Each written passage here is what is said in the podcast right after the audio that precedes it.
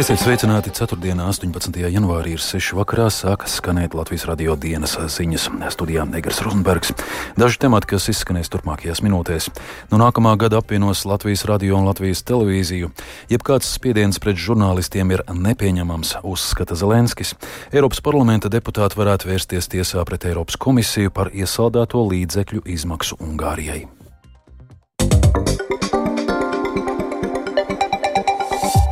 No nu, nākamā gada Latvijas radio un Latvijas televīzija būs vienota struktūra, tāpēc vairāk nekā desmit gadus ilgušām diskusijām lēmusi saima.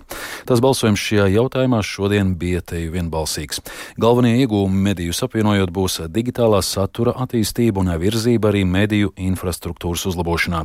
Tā norāda sabiedrisko elektronisko plašsaziņas līdzakļu padomjas vadītājs Jānis Siksnis. Savukārt abus sabiedrisko mediju vadību uzsver uzdevumu nepieļaut neziņu par apvienošanas procesu. Par turpmāko sabiedrisko mediju apvienošanā vairāk Jāņa Kīņša sagatavotajā ierakstā. Šī gada laikā Sabiedrisko elektronisko plašsaziņas līdzekļu padomus vadībā trīs darba grupas turpinās apvienotā sabiedriskā mediju izveidas uzdevumus. Šogad arī notiks konkurss uz jaunu vienotā uzņēmuma valdi piecu cilvēku sastāvā. Abu mediju apvienošanai vienā uzņēmumā šogad vajadzēs ap 384 tūkstošiem eiro. Siknis arī atkārto galvenos apsvērums, kāpēc apvienošana nepieciešama. Sabiedriskiem mēdījiem ir jākoncentrējas tieši digitālā satura veidā, internetu platformās. Svarīgi beidzot atrisināt eh, infrastruktūras jautājumus. Kas notiks ar, ar, ar, ar ēkām, kā tās tiks remontētas vai tiks būvēta jauna. Latvijas radio arotbiedrība vēl pagājušajā nedēļā vēstulē saimai atkārtoja aicinājumu atlikt lēmumu par sabiedrisko mediju apvienošanu. Trūkstot pārliecības par prognozējumu apvienotā sabiedriskā mediju finansējumu, darbinieku atalgojumu skaidru izlīdzināšanu. Nav arī skaidrības, kā veidos un sadalīs apvienotā mediju budžeta infrastruktūras uzturēšanai un kā arī iznās mediju ēkas izmaksas. Siksnis uzsver, ka apvienošanas procesā būs iesaistīti abu mediju darbinieki un padomi, kā šo uzņēmumu kapitāla daļu turētāji turpinās skaidrot visus lēmumus. Nekad nepieļausim, ka ir kāds lielais vai mazais brālis, vai ka notiek kāda līdzekļu pārdale no radio par labu televīzijai. Tāpat vienmēr būs nepieciešama gan atsevišķa radio, gan atsevišķa televīzijas rādījuma un programma attīstība. Vienlaikus skaidrs, ka, ka aug digitālā satura attīstība un vajadzības, nu, un tur tad arī tad kopā šo digitālo sfēru arī vislabāk stiprināt. Ar to reiķinās arī Latvijas radio valdes loceklis Girts Helmans, arī dzen uzsverot, ka darba grupās būs iesaistīti abu mediju darbinieki. Līdz šim no attīstības plāni ir izteikti veidoti radio pusē, televīzijas pusē. Tas varbūt nav bijis tāds vienots skatu punkts līdz šim. Un faktiski, nu, ja mēs skatāmies uz to laiku nogriezni, tas laiks ir ļoti maz. Lai mums būtu tāda kopīga vienota definīcija par to, kas ir, kas ir teiksim, šīs te kopējās aktivitātes. Jau. Daļa finansējuma šiem trim gadiem sabiedriskajiem medijiem ir rezervēta valsts budžeta programmā neparedzētiem gadījumiem. Tieši par neskaidrību šo līdzekļu izmantošanā satraucas arotbiedrības, taču to izmantošanu jāspēj pamatot pašiem sabiedriskajiem medijiem, norāda Latvijas televīzijas valdes priekšsēdētājs Ivars Priede. Abu mediju vadības pārstāvju uzsver, ka par apvienošanas procesu jābūt plašai atklātībai jānodrošina jaudīga, saulētīga komunikācija gan ar darbiniekiem, gan arī droši vien arī ar visām citām iesaistītajām pusēm, lai izvairītos no pārpratumiem, nevajadzīgām sarežģītībām, kuras rodas tikai tāpēc, ka cilvēki tos ir neziņa vai pat no nu, bažas, kuras mierīgi var kliedēt. Savukārt digitālā satura attīstība un arī dzena infrastruktūras jautājumi jau būs nākamās valdes uzdevums. Jānis Kincis, Latvijas radio. Jebkāds spiediens pret žurnālistiem ir nepieņemams. Tā Ukrainas prezidents Valdemirs Zelenskis komentējis šonadēļ Ukrainā uzvirmojušo skandālu par pētniecisko žurnālistu izsakošanu. Pirms pāris dienām sociālajos medijos parādījās video, kas vedina domāt par slēptu pētnieciskās žurnālistikas komandas Bihus darbinieku izsakošanu, filmēšanu un telefonu sarunu noklausīšanos. Turpina Indra Sprānce no Kīvas. Sociālajos medijos šonadēļ parādījies video, kas vedina domāt, ka Ukraiņu pētnieciskās žurnālistikas projekta Bihus komandas locekļi jaungada darba ballītē lietojuši narkotikas. Viesnīcas istabiņā notiekošais filmēts ar slēpto kameru un publicēts šajā video tiek atskaņot arī fragmenti no šo darbinieku telefonu sarunām. Pēc video publiskošanas medija redaktors Denis Bigus uzsvēra, Video redzamie nav žurnālisti, bet gan operatori, un visi no darba atbrīvoti. Sašutumu izraisījis fakts par mediju komandas darbinieku iespējams ilgstošu novērošanu.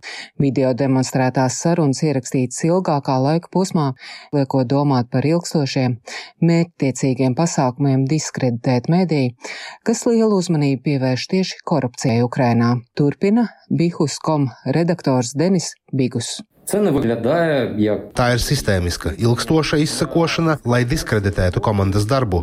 Kas nākošais? Piestiprinās kameru man toaletē. Nē, es tur neko nelietoju, bet ticiet man, ko kopumā grib izvilkt no mūsu privātās dzīves, ka mēs arī esam cilvēki. Jā, mēs neesam ideāli, bet mēs pie vēlna labi darām savu darbu. Šī mediju darbinieku izsakošana nav vienīgais gadījums pēdējo dienu laikā, kas raisa jautājums, cik droši Ukrainā ir nodarboties ar pētniecisko žurnālistiku. Pirms pāris dienām portāla Naši Groši redaktora Jurija Nikolau mājā mājās ieradās kādi cilvēki, kas stādījušies priekšā kā militāra personas, atstājuši lapiņas ar uzrakstu nodevējs. Tieši Jurijs Nikolovs pirmais pagājušā gada sākumā ziņoja par sadārdzinājumu vērienīgajā armijas pārtiks iepirkumā. Atsevišķi parlamenta deputāti, žurnālisti un sabiedrības pārstāvji ir nosodījuši vēršanos pret žurnālistiem, bet tiesības sarga aicināts skaidrot notiekošo. Atbildīgās Ukrainas augstākās radas komitejas vadītājs Jaroslavs Jurčišins radio brīvība ēterā pauda, ka visticamāk agrāk pret Bihu svērstās darbības bijis plānota provokācija pret mediju.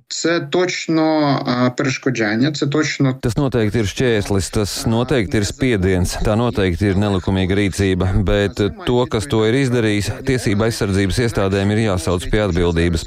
Citādi tiešām apstiprināsies jau no visām pusēm izskanējušās aizdomas, ka to darījušas tiesības sargājošās iestādes dažu pie varas esošo interesēs. Šobrīd Ukrainas drošības dienests ir ierosinājis Krievijas kriminālu procesu. Indra Sprānce, Latvijas radio Ukrainā. Eiropas parlamenta deputāti apsver iespēju vērsties tiesā pret Eiropas komisiju par iesaldēto līdzekļu izmaksu Ungārijai. Vairākums Eiropa parlamentāriešu šodien atbalstītajā rezolūcijā pauž nostāju, ka Ungārijas valdībai vispirms vajadzētu pilnībā izpildīt visas prasības un tikai tad var veikt līdzekļu izmaksu, nedalot tos pa daļām. Eiropas komisijas priekšsēdētāja Urzula Fonderleina aizstāvēja savu lēmumu izmaksāt daļu no līdzekļiem Budapeštai, jo vajadzīgās prasības esot izpildītas. Vairāk stāstā ar jums Konohaus.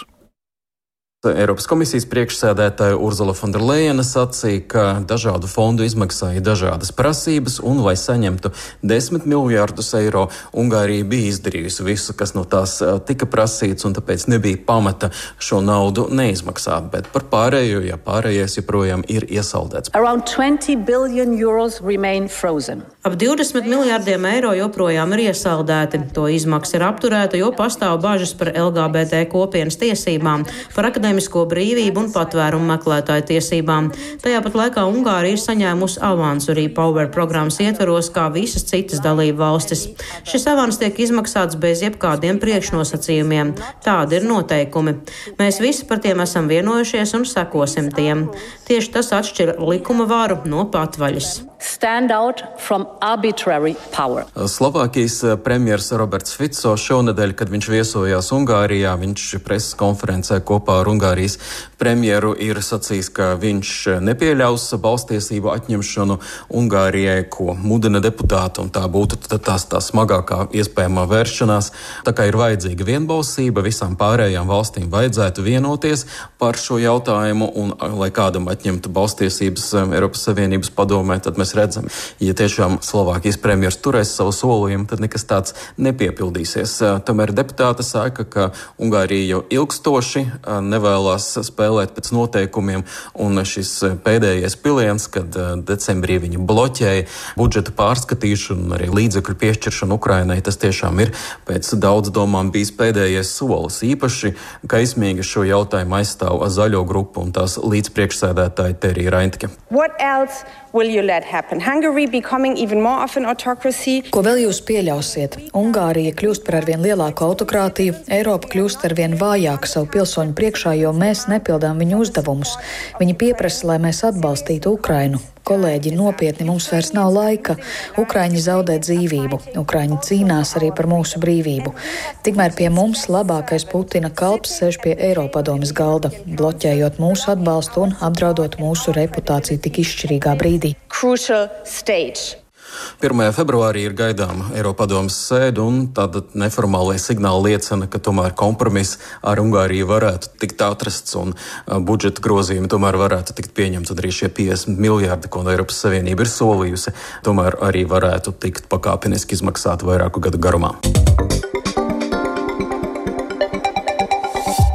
Slimnīcām šogad plānots atvēlēt papildus vairāk nekā 25 miljonus eiro, kopumā šogad piešķirot 85 miljonus. To šodien Latvijas radio pēc dažu stundu ilgām pārunām ar Latvijas slimnīcu biedrību pavēstīja veselības ministrs Hosams Abumērī no jaunās vienotības. Bet biedrībā tam nepiekrīt, norādot, ka solītie papildu 25 miljoni eiro jau ietilpst šogad paredzētajos 60 miljonos. Līdz ar to ministrijas un slimnīcu atšķirīgā redzējuma dēļ pacienti varot nesaņemt kvalitatīvus pakalpojumus. Turpina slimnīcu biedrības vadītājs Jevģīnijas Kalējs. 15. februārī ir jāizmaksā darba algas, kurās ir ministrijas apsolījums 10% pieaugums. Bet izrādās, ka tur ir ļoti daudz ierobežojumi, ko gan ministrija, gan slimnīcas vadītāji tulko atšķirīgi. Ja slimnīca nevarēs pielikt to darba samaksu, tas nozīmē, ka ir jāmazina personāls. Jo, lai atlikušajiem, kas paliek strādāt, viņiem varētu pielikt. Tas, protams, atkarīgs no pacientu skaita, jo daudzās slimnīcās ir pateikts, ka kopējais pacientu skaits samazinās. Aprit desmit gadi kopš tūkstošiem cilvēku piedalījās divu kilometru garajā grāmatu ķēdē. 18 grādu salā cilvēki padeva viens otram grāmatas no Nacionālās bibliotēkas ēkas Baronielā līdz gaismas pilsplauktiem pārdauguvā. Bibliotēkas pakalpojumu departamenta direktore Anda Lamaša atceras šo notikumu un informē, ka vestibilā milzīgais stikla grāmatu plaukts joprojām gaida dāvinājumus bibliotēkai. Ļoti vērtīga bija pirmā grāmata, ko mēs ielikām plauktā. Tā ir 1825. gadā Sanktpēterburgā izdotā Bībele latviešu valodā, ko bibliotekai dāvināja pirmais Vācijas vēstnieks Latvijā eh, Lamsdorf kungs. Bet tikpat vērtīgs, protams, ir tās bērnu grāmatas. Ir daudz grāmatas, kas ir pavadījušas īpašnieku trimdā, pēc tam atgriezušās Latvijā. Ir ģimeņu bībeles, kur veseli dzimtas stāsti ir ierakstīti iekšā. Līdzšinējais izglītības un zinātnes ministrijas sporta departamenta vadītājs Vladimirs Štenbergs nepaliks amatā, tā informējusi ministrija. Štenbergs amatā stājās pērn vasarā, bet pēc pārbaudas laika beigām lēmts sadarbību neturpināt. Štenberga vadībā sāktas pārmaiņas sporta finansēšanas modelī, kā arī pārstrādāti prioritāro sporta veidu kritēriji, kas izpelnījušies daudz kritikas. Latvijas radio Štenbergs norādīja uz viedokļu nesakritību ar ministrijas vadību. Nav jāmeklē kaut kā zemūdens akmeņa. Ja mums nesakrīt redzējums, manuprāt, mēs esam uzsākuši un ielikuši akmeni lielajiem darbiem. Un arī paveikuši pa šo pusgadu lielus darbus. Un es personīgi esmu gandarīts, ko paspēju izdarīt. Bet, ja mēs uh, neesam uz vienas lapas, kas jādara, nu tad uh, jāšķiras, jādod iespēju nākamajam. Un vēl par dažām vēstījumiem pieaugot kritienos uz slidenajām ielām gūto traumu skaitām traumatoloģijā un ortopēdijā specializētajā Rīgas otrajā slimnīcā veidojas garākas rindas uz pakalpojumiem, ko pats slimnīca raksturo kā ārkārtēju situāciju. Stacionāra informē, ka pasliktinoties laika apstākļiem pēdējās nedēļas laikā trīskāršojies to pacientu skaits, kas vēršas pēc palīdzības traumpunktā, jo gūtas traumas pēc kritiena uz slidenas ietves vai brauktuves. Un vēl Rīgā veiktas būtiskas satiksmes organizācijas izmaiņas. Turpmāk būs aizliegta kravas transporta kustība cauri pilsētas centram, tā informē pašvaldībā. Tā nolēms, lai uzlabotu vides stāvokli un pilsētvides kvalitāti kopumā, un tas iespējams novirzot kravas transportu uz jaunatklāto austrumu maģistrāli. Izskan Latvijas radio dienas ziņas producents Viktors Pupiks, ierakstus montēja Uldis Grīnbergs, par labskaņu rūpējās Rīta Karneča, studijā Egers Rozenbergs. Vēl tikai par laikapstākļiem. Galvaspilsētas centrā mīnus 5 grādi lēns dienvidē rietumu vējš, atmosfēras spiediens 745 mm, relatīvais gaisa mitrums 88%. Kāds laiks gaidāms turpmāk prognozē Ilze Golubeva. Piektdienu piekrastē vēl aizvien pūtīs brāzmains vējš, tomēr mākoņu debesīs būs mazāk. Naktī vietām, bet dienā daudz vietā tie atnesīs īslaicīgu sniegu un dienas laikā sniegšana brīžiem būs stiprāka. Gaisa temperatūra naktī valsts lielākajā daļā pazemināsies līdz minus 7, minus 13 grādiem, bet dažviet piekrastē, kur vējš pūtīs no ūdens puses, būs nedaudz siltāks. Savukārt dienā temperatūra svārstīsies no plus 2 grādiem jūras piekrastē līdz minus 4, minus 5 grādiem valsts galējos austrumos. Sestdien Latvijā atkal kļūs nedaudz vēsāks, un sestdienas stiprākie nokrišņi gaidām valsts dienvidu daļā.